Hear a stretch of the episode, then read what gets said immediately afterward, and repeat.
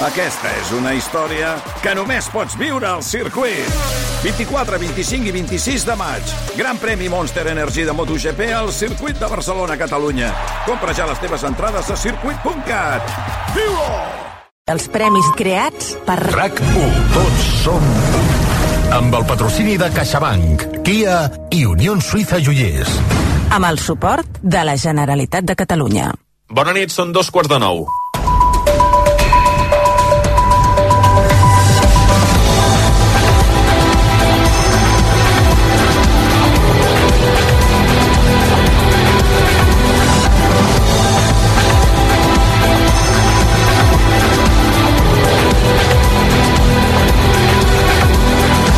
RAC1, no ho sé, amb Pep Tormos.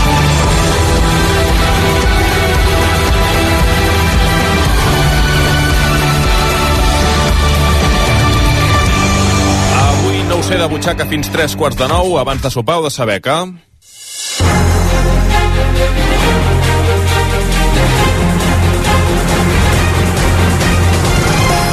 Generalitat acusa la justícia espanyola de fer una lectura esbiaixada del nou Codi Penal que Esquerra va pactar amb el PSOE. La Fiscalia manté la malversació greujada i demana 7 anys de presó per Josep Maria Jové i 6 per Lluís Salvador. El president Pere Aragonès acusa les cúpules judicials de reprimir l'independentisme tot el suport a tots aquests companys i seguirem treballant per tenir totes les eines i denunciar en tots els àmbits que tinguem al nostre abast aquesta repressió per part de l'Estat. Coneixem la voluntat de venjança d'una part de la judicatura espanyola i per tant no hi ha sorpresa, però sí que evidentment doncs, constatem que l'evolució que s'està fent a nivell democràtic, a nivell social, doncs avui encara ha d'arribar a la judicatura. Tant el govern com Esquerra desvinculen la reforma del Codi Penal de les acusacions de la Fiscalia i Junts per Catalunya evita entrar en retrets. Marc Martínez Amat. Totes les veus d'Esquerra s'alineen a carregar exclusivament contra l'estament judicial per aquestes acusacions que consideren un cop d'estat democràtic que altera l'esperit del nou Codi Penal. Ho deien la consellera Laura Vilagrà i la portaveu del partit, Marta Vilalta. La interpretació que n'han fet creiem que no s'ajusta al canvi normatiu que hi va haver en el tema de la malversació i per tant que és una interpretació absolutament partidària i absolutament esbiaixada cap a l'extrema dreta. La reforma està ben feta, el problema és l'aplicació que en fa l'estat espanyol a través del seu sistema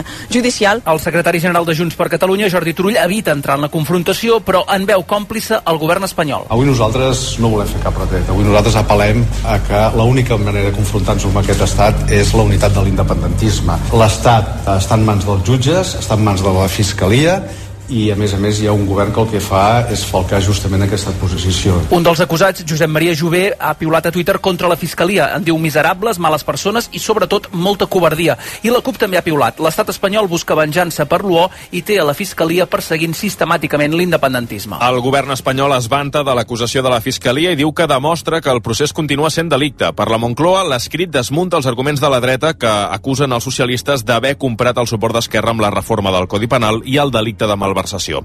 Des de Madrid, Roger Perciba.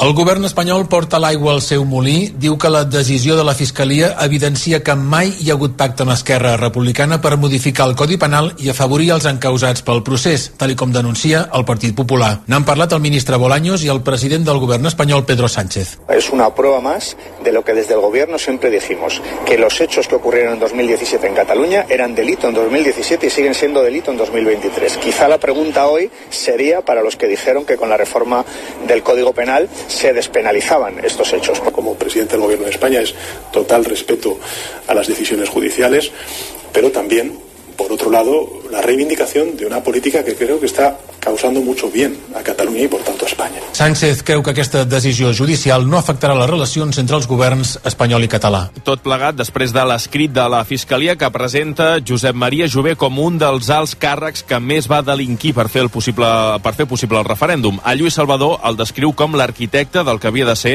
una estructura d'estat, la hisenda catalana. I de passada, tot l'escrit d'acusació ve carregat d'afirmacions per deslegitimar l'1 d'octubre. programa, Com a número 2 de Junqueras, el tinent fiscal Pedro Aritxe diu que Jové està relacionat amb despeses com unes obres perquè el CETITI fos el centre dels resultats, la publicitat de l'1 d'octubre o l'encàrrec a Unipost per repartir cartes als membres de les meses, però la malversació la sustenta sobretot en la despesa per programes informàtics que havien de servir per recaptar tots els impostos i reclama a Jové i Salvador els 750.000 euros que van costar. En el ámbito de la Administración Tributaria se procedió a intensificar la sustitución del programa de gestión de la Agencia Tributaria de Cataluña por otro mucho más potente y evolucionado, denominado SPRIU, que disponía de potencialidad para recaudar, gestionar y ejecutar no solo impuestos propios y cedidos, sino además aquellos tributos de carácter estatal. Seguint el criteri del Suprem, considera que tot això és ànim de lucre. Jové, a més, hauria negociat amb ajuntaments per la sessió de locals on votar i va utilitzar un conveni amb l'IDESCAT per elaborar el cens, però el fiscal diu que la votació no tenia cap garantia. Se vieron en la necesidad de recurrir al llamado censo universal, un eufemismo mediante el que cualquier ciudadano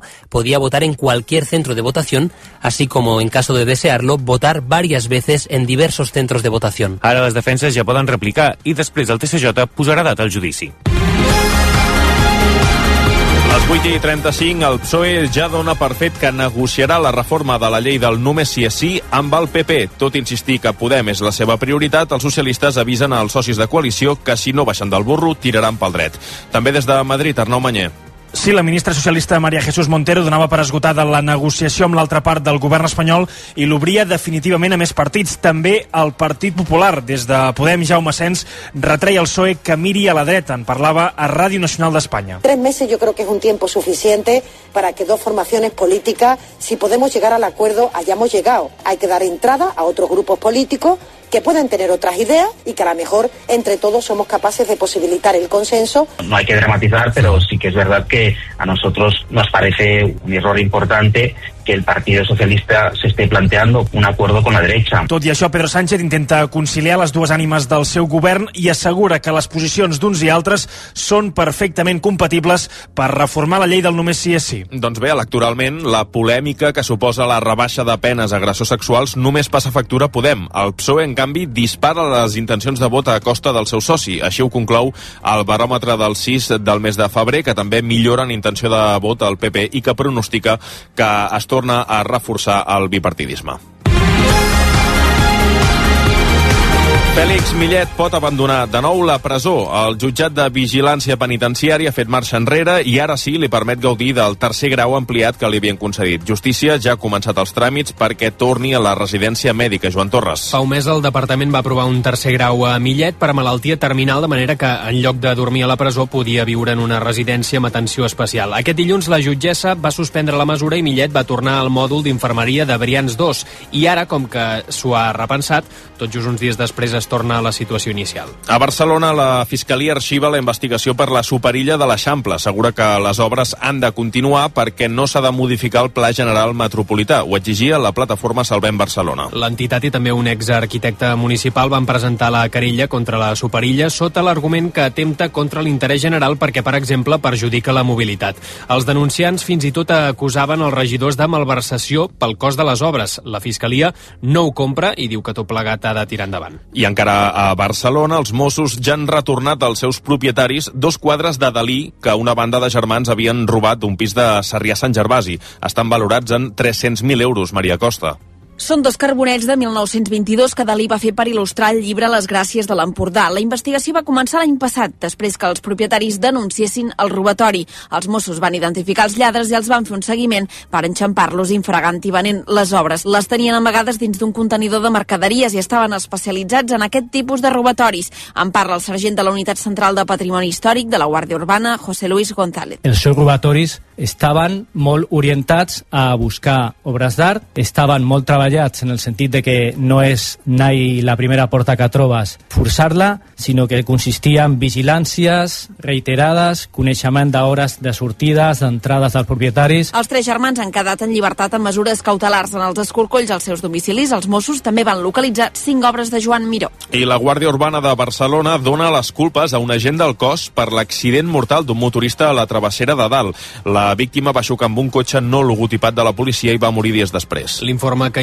investigava l'accident conclou que la gent va girar indegudament i, per tant, va cometre una infracció. Això va fer caure el motorista que circulava en el mateix sentit i que va patir lesions molt greus. Segons ha avançat el periòdico, avui la Unitat d'Investigació i Prevenció d'Accidentalitat de la Guàrdia Urbana ha entra, entrat l'informe de la justícia. I a Bulgària, almenys 18 migrants han mort asfixiats en un camió. Dins del vehicle hi havia més de 40 persones tancades. Els traficants els van deixar abandonats. El camió era en un camí rural poc transitat a 25 quilòmetres de Sofia i els delinqüents es van escapar quan es van adonar que alguns refugiats havien mort. Els migrants d'entre 15 i 25 anys feia dies que no menjaven ni bevien i presentaven símptomes d'asfíxia i hipotèrmia. Dels que han sobreviscut, 14 es troben en estat crític. La policia ja ha detingut almenys una persona relacionada amb les morts. 5 minuts i 3 quarts de nou, el govern es compromet a aplicar immediatament mesures per reduir les plagues de conills de Lleida. Els pagesos n'estan farts i avui han fet una concentració amb més de 400 tractors. El Departament d'Acció Climàtica ha presentat un paquet de noves mesures. L'objectiu és eliminar com a mínim 285.000 exemplars d'aquests animals. Des de Lleida, Karen Alfonso. Entre les accions més destacades hi ha la implantació d'equips de camp dedicats exclusivament a la captura de conills, noves xarxes de captura i la declaració de l'emergència cinegètica. En parla la directora general d'Ecosistemes Forestals i Gestió del Medi, Anna Sanitjas. Declarem l'emergència cinegètica a 74 municipis de Lleida, prop de 150.000 hectàrees. En aquesta zona el que planteja l'emergència es fixa com a objectiu la reducció de danys. Amb l'emergència cinegètica es pretén disminuir la densitat de conills al 50 per cada quilòmetre quadrat. Actualment, en algunes zones es calcula que n'hi ha més de 180. En cas que no s'aconsegueixin els objectius, l'administració decidirà qui ha d'aplicar i de quina manera la gestió cinegètica. I en ple debat sobre l'ampliació de l'aeroport del Prat, l'aeroport de Girona està infrautilitzat pels gironins. És la conclusió d'un estudi que ha fet la Universitat de Girona als turistes de la terminal. L'informe també diu que la Costa Brava capta turistes de mitjà i alt poder adquisitiu que, a més, fan estades llargues des de Girona, Bàrbara Julba. L'enquesta es va fer durant l'any passat a uns 2.000 viatgers a la porta per pujar a un avió. D'aquests, només un 2,4% eren gironins. La investigadora principal de l'estudi, la degana de la Facultat de Ciències Econòmiques i Empresarials de la UDG, Anna Garriga, explica la repercussió de tenir un aeroport que no s'utilitza. Tenim un aeroport a 100 quilòmetres de Barcelona, que pels gironins és com si el tinguéssim buit. Això és una ineficiència de país, de fet, eh? És una ineficiència productiva per Girona, també, que l'arrosseguem de, de masses anys, de fet. La majoria dels encastats volen que el TGV arribi a l'aeroport i demanen més vols cap a Amèrica. Els turistes s'han arribat a gastar més de 200 euros de mitjana en dies punta. Lloret és la destinació més escollida, seguida de Barcelona i la ciutat de Girona. El que més valoren és el sol i la platja i la majoria tornarien a venir. Al 2022 s'han venut més de 100.000 pisos a Catalunya, un llindar que no se superava des de feia 15 anys. EAE Business School us ofereix aquest espai. Ho ha confirmat l'Institut d'Estadística Espanyol des d'abans de l'esclat de la bombolla immobiliària que no es venien tants pisos com aquest 2022. En concret, a Catalunya s'han tancat més de 102.000 operacions de compravenda l'últim any. En comparació amb el 2021, les compravendes d'habitatges van augmentar més d'un 14%. Més de la meitat es van concentrar a les comarques de Barcelona. Les compravendes d'habitatges l'any passat només van baixar a Lleida. Si et vols canviar un aprenentatge immersiu, millorar la teva competitivitat de cara al mercat laboral o canviar una experiència acadèmica que prioritzi la part pràctica, Work to Change. Entra a eaebarcelona.com i comença el canvi amb els nostres màsters i MBAs. EAE Business School. We make it happen. Minuts i 3 quarts de nou a Berlín. Just a aquesta hora s'acaba de presentar la Berlinale Matria, la primera de les produccions catalanes que participa al Festival del Cinema Alemany. La pel·lícula, dirigida per Álvaro Gago, competeix a la secció Panorama. Enviada especial de RAC1 a la Berlinale, Maria Cusó. La Ramona és una dona de poc més de 40 anys que porta tota la vida treballant, o mal treballant, dedicant hores i hores a feines cada cop més precàries i mal pagades, però ho suporta tot, fins i tot parelles tòxiques, per intentar tirar endavant la seva filla, fins que un bon dia, després d'una vida de sacrificis, la Ramona se n'adona que no pot més. Aquesta història, que de tant local parla d'un fet universal, s'està projectant ara mateix aquí a Berlín en la secció Panorama. El seu director, Álvaro Gago, i la protagonista, Maria Vázquez, en parlaven abans de l'estrena a RAC1. Una historia de revolución personal, una revolución íntima, una conquista de un nuevo horizonte, va a haber una conquista de unas nuevas razones por las que vivir. Esta mujer no es consciente de, de toda la carga que tiene. Y me gusta mucho que aparentemente parece que tener un carácter muy fuerte eh, es, es, es, buenísimo y realmente ella lo que necesita es, es parar y conectar con la vulnerabilidad. Matria s'estrenarà a Catalunya d'aquí poc més d'un mes, el 24 de març. I la primera edició del Festival Ressons Penedès del Cruïlla confirma els caps de cartell, entre ells els pets.